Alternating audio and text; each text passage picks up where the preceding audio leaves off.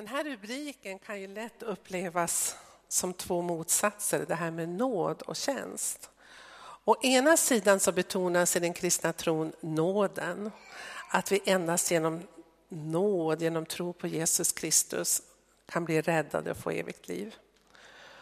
Men samtidigt så utmanas vi ju till att följa Jesus och att tjäna honom. Och precis som Eh, Mattias läste i början av gudstjänsten så är vi skapade för goda gärningar. Så min fråga idag i predikan är hur ska vi hitta balansen mellan att vila i nåden och samtidigt ta Jesu utmaning till efterföljelse och tjänst på allvar. Det här är helt klart en utmaning. Eh, när jag var i tonåren så vet jag att jag tyckte den här frågan var jättesvår. Jag fick det inte att gå ihop. Jag lyssnade på många predikningar som just talade om att vi är frälsta genom nåd och att vi inte kan liksom med egna goda gärningar frälsa oss. Och samtidigt lyssnade jag på många, många predikningar som sa att det var viktigt att läsa Bibeln varje dag. Helst skulle man gå upp en timme före man åkte till jobbet eller skolan om man var riktigt god kristen och be och läsa Bibeln. Och så skulle man vara beredd att vittna om sin tro. Oavsett om man satt på tåget eller var ute på stan eller på sin arbetsplats eller så. Och så ska man göra goda gärningar. Jag fick inte det här att gå ihop. Och för mig så skapade det mig en känsla att jag var ingen god kristen. För jag var inte där. Jag är inte direkt, fortfarande inte direkt morgonpigg och gå upp tidigt på morgonen och inte tycker jag om att vittna för människor på tåget utan då vill jag sitta och läsa min bok i fred. Ja, sån är jag. Senare i livet, som eller genom livet, så kan jag säga att jag har mött den här frågan gång på gång i samtal med människor i själavård och andlig vägledning. Jag skulle vilja säga att jag upplever det som den absolut vanligaste frågan som kommer upp i samtal med människor. Och den här frågan att ja, men jag är, är inte en tillräckligt god kristen. För jag gör ju inte det och jag gör ju inte det. Och jag vittnar inte så ofta och inte ber så mycket som jag borde och så vidare. Och i ljuset av denna fråga så tycker jag den här dagens predikotext är mycket intressant. Och nu ska vi läsa den ifrån Matteus evangeliet, det 20 kapitlet. Och lägg märke till vad Jesus säger, första ordet. Med himmelriket är det. Med himmelriket är det som när en jordägare vid dagens början gick ut för att leja arbetare till sin vingård. Han kom överens med dem om en dagspenning på en denar och sände iväg dem till vingården. Vid tredje timmen gick han ut igen och fick se några andra stå sysslolösa på torget. Till dem sa han, gå bort till vingården ni också, jag ska ge er skäligt betalt. Och det gav sig dit. Sedan gick han ut vid sjätte timmen och vid nionde timmen och gjorde likadant. Vid elfte timmen gick han ut igen och när han såg några andra stå där sa han, varför står ni här hela dagen utan att arbeta? De svarade, därför att ingen har lejt oss. Då sa han, gå bort till vingården ni också. På kvällen sa vingårdens ägare till förmannen, kalla samman arbetarna och ge dem deras lön. Börja med dem som kom sist och sluta med det första. Det är intressant. Det som hade lejts vid elfte timmen kom fram och fick en denar var. När sedan det första steg fram trodde de att de skulle få mer, men de fick varsin denar det också. Då protesterade de och sa till ägaren, det där som kom sist har bara hållit på en timme och du jämställer det med oss som har slitit hela dagen i solhettan. Då sa han till dem, min vän, jag är inte orättvis mot dig. Vi kom ju överens om en denar. Ta nu vad du ska ha och gå. Men jag vill ge den sista lika mycket som du fick. Har jag inte rätt att göra som jag vill med det som är mitt? Eller ser du med onda ögon på att jag är god? Så skall det sista bli först och det första sist. Jesus berättade många liknelser, bland annat flera liknelser som handlar just om himmelriket. Och för det mesta så har liknelsen, eller jag kan säga alla liknelser har en poäng. Och för det mesta, var dit jag skulle komma, så vänder den här poängen upp och ner på det första åhörarnas föreställningsvärld. Alltså de som lyssnade på Jesus första gången. De liksom, men vad säger han egentligen, tänkte de. Och egentligen om vi tänker efter är det likadant för oss. För likt människor på Jesu tid så tänker vi att det är självklart att vi var och en ska belönas efter vår insats. Efter hur mycket arbete vi utför.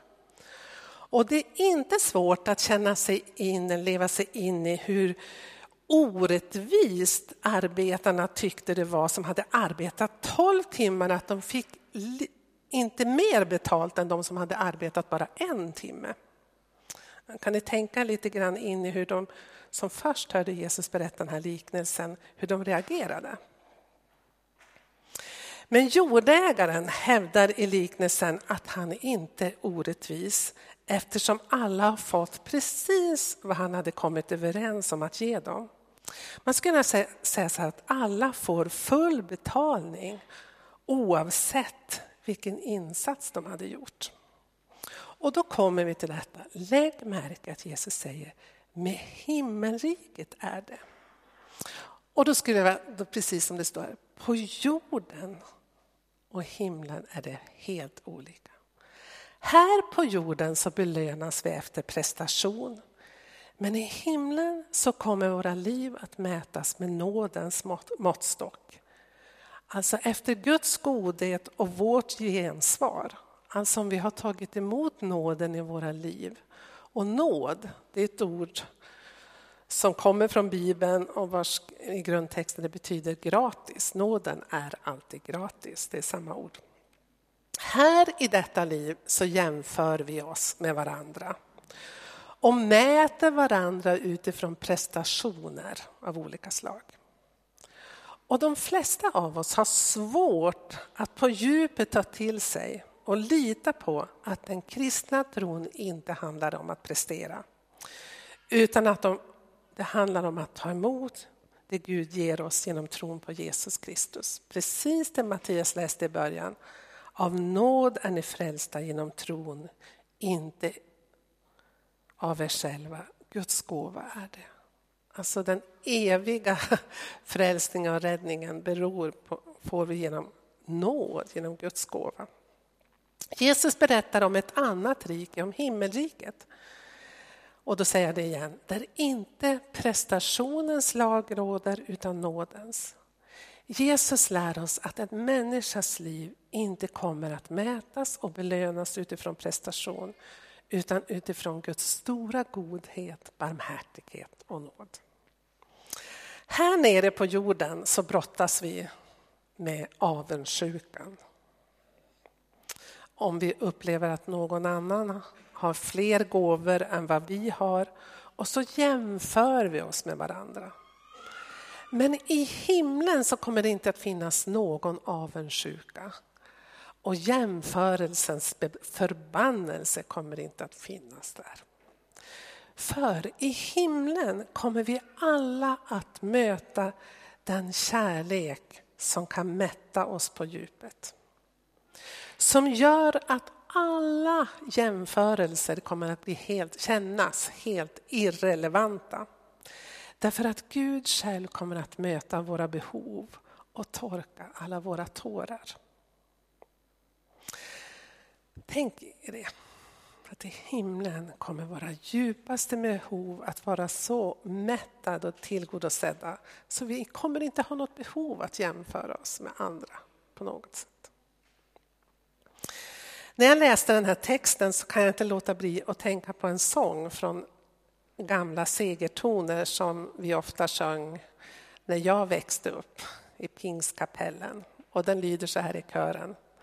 Skall det bli några stjärnor i kronan jag får när jag avlagt min jordiska skrud skall jag möta med fröjd på den himmelska höjd? Några själar jag vunnit för Gud. Och i vers två står det så här må jag troget och söka den tid jag har kvar samla själar till frälsarens famn. Varje blodtvagen själ blir en stjärna så klar som för evigt skall prisa hans namn. Ja, ni som, jag ser att en del av er ler. Det är ni som har varit med och sjungit den här sången. Och jag tror faktiskt att den här sången bidrog till att flera av oss drabbades av ganska stora prestationskrav. För vem vill komma till himlen och stå där utan stjärnor i kronan? Ja, kanske till och med utan krona. Men tack och lov denna sång är inte biblisk och stämmer inte med Jesu undervisning trots att den stod i gamla segertoner. För det kommer inte att bli så i himlen att vi får kungakronor där några har många stjärnor och andra har få eller kanske någon ingen krona alls. Efter hur vi har lyckats att minna människor för Gud. Och för det andra så kommer det inte bara att vara själar i himlen. Vi kommer inte att befinna oss i himlen i någon slags okroppsligt eh, tillstånd, utan vi tror på kroppens uppståndelse. Det är det vi bekänner i vår trosbekännelse. Och om vi ska ta den här liknelsen som Jesus berättade på allvar, så är det så att vi kommer att få samma lön oavsett hur länge vi här nere här på jorden har tjänat Gud eller hur väl vi har tjänat Gud. Allt vi får nu och i himlen kommer inte att vara på grund av förtjänst utan på grund av nåd. Tycker vi det är orättvist? Rövaren på korset kommer att få samma lön som du som hela ditt liv har varit kristen och troget gått till kyrkan och offrat och tjänat Gud och sådär. Det är faktiskt så. Men hur ska vi då kunna finna balansen mellan nåd och tjänst? Jag tror att för det första, vi kan bara finna den balansen om vi i djupet av våra hjärtan inser att vi är älskade av Gud. Och att vi inte kan förtjäna Guds kärlek. Oavsett hur mycket vi anstränger oss, oavsett hur mycket vi anstränger oss, jag säger det igen, så kommer Gud inte att älska dig eller mig mer. Vi är redan Guds älskade barn. Guds kärlek är alltid före oss och omkring oss och framför oss. Bakom oss, framför oss, omkring oss, före oss. Vi kan självklart vända oss bort ifrån Gud. Vi kan självklart välja att inte ta emot den kärlek Gud vill ge oss. Vi kan välja döden istället för livet. Men vi kan inte göra någonting för att Gud ska älska oss mer. Vi kan inte göra någonting för att Gud ska älska oss mer. Med evig kärlek har Gud älskat oss och låter sin nåd förbli över oss, står det i Jeremia. Vi, du och jag, alla människor på vår jord är Guds älskade. Den här kärleken behöver vi påminna oss gång på gång. Och jag tror att det är just detta som ska driva oss till att vi vill gå till gudstjänst, att vi vill läsa Bibeln, att vi vill be. Därför att vi vet att vi behöver bli mer och mer rotade i denna villkorslösa kärlek. För vi lever i ett prestationssamhälle som hela tiden säger åt oss, du är vad du gör. Men Bibeln säger, du är älskad för den du är. Du är skapad i Guds avbild. Han har älskat oss med en evig kärlek. Och detta budskap behöver befylla oss hela, hela, hela tiden som en motbild mot allt budskap vi hör i samhället. Det är det ena. Och sen, som ni ser redan så det andra som vi måste inse. Det är det. För att få balans mellan nåd och tjänst att vi måste finna glädjen i själva tjänandet. Alltså inte tjäna, tänk att vi ska tjäna Gud och andra medmänniskor för att få kärlek. Utan vi har ju redan fått kärlek. Men det finns en glädje i att tjäna Gud och våra medmänniskor. Och den bygger inte på prestation. Men om det är så att vi drivs av prestationen, alltså med det vill jag säga, vi försöker vara goda kristna, ställa upp på olika sätt i församlingen med olika tjänster och tjäna andra människor för att vi tänker att Gud ska älska oss mer eller människor runt omkring oss ska älska oss mer. Då är risken stor att vi bränner ut oss till slut. Eller också, det är en sån här drivkraft som har en hake i sig. Som gör att människor som vi tjänar kan på något sätt omedvetet, även om vi inte känner det, så känner de att ja, de står i någon slags tacksamhetsskuld till oss. Därför att vi är ju så goda, vi, vi tjänar. Men om vi tjänar i frihet, i visshet om Guds stora kärlek till oss, då kan vi förmedla Guds nåd och villkorslösa kärlek till andra också. Den avgörande skillnaden mellan att försöka göra gott för sig själv för att bli belönad eller försöka göra gott för att tjäna och visa tacksamhet till Guds stora kärlek. Och därför, de här sista meningarna som jag skrivit här. När inre prestationskrav driver oss att tjäna för att bli mer älskade av Gud eller våra medmänniskor eller för att vi ska få högre status i församlingen eller något sånt där. Då är fortfarande jaget i centrum. Det är jag som ska bli belönad, eller hur? Men om det är tacksamheten över att Gud älskar oss så mycket, att vi verkligen har tagit emot den kärleken i vårt inre och det är drivkraften, då blir det ju den andra som är i centrum. Alltså då tjänar vi inte för att få, utan då tjänar vi för att ge vidare det vi har fått. Och det är en enorm skillnad. Det är som natt och dag. Då blir det fri. Är, är ni med? Visst, hänger, ja. När vi drivs, att längt, drivs av längtan att ge vidare det vi har fått, då blir tjänandet, själva tjänandet en glädje i sig. Så tjänandet är belöningen, det vi gör. Alltså det är roligt att göra gott, därför att vi har tagit emot så mycket gott. Idag efter vårt kyrkkaffe har vi vårt administrativa årsmöte som bland annat innehåller val av olika tjänster i församlingen. Och valberedningen har arbetat för att vi var och en ska få finna vår plats och tjänst i församlingen. Jag tror inte att någon av oss här har tackat ja till någon tjänst för att vi tror att det ska höja vår status i församlingen. Jag tror faktiskt inte det, eller i andras ögon. Och jag hoppas att ingen har tackat ja till ett uppdrag därför man tror att Gud kommer att älska mig mer om jag gör det här. Och jag hoppas att ingen av oss ska falla i avundsjukans eller jämförelsens dike utan kunna glädja oss åt varandras olika gåvor och förmågor. Och att vi ska kunna vara generösa mot varandra som Jesus i liknelsen som jag läste här om himmelriket.